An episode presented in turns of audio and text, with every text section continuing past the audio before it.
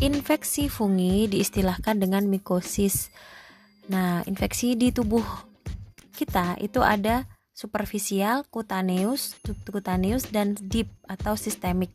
Jadi yang disebut dengan superficial berarti ada di permukaan. Seperti contohnya ketombe, panu, itu ada di permukaan. Jadi e, funginya itu tidak bisa menembus kulit. Jadi dia hanya ada di bagian stratum corneum. Jadi dia hanya di situ saja, di bagian e, kulit kita yang paling luar. Ya tidak bisa menembus sampai ke dermis, sampai ke sukutan, tidak bisa. Nah, kalau cutaneous berarti dia di kulit. Berarti dia ada di epidermis. Jadi hifanya itu masuk sampai situ ya. Nah, contohnya apa? Kadas. Itu contohnya. Kemudian subcutaneous berarti di bawah kulit. Ya, di bawah kulit, di bagian subkutan. Berarti di situ ketemu apa?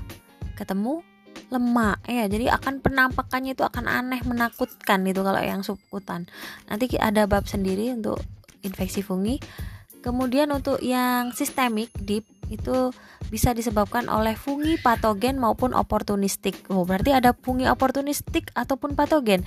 Ya, jadi ada yang oportunistik maupun patogen. Jadi yang dimaksud dengan oportunistik itu adalah fungi flora normal di tubuh kita yang memiliki potensi menyebabkan penyakit ketika kondisinya sesuai.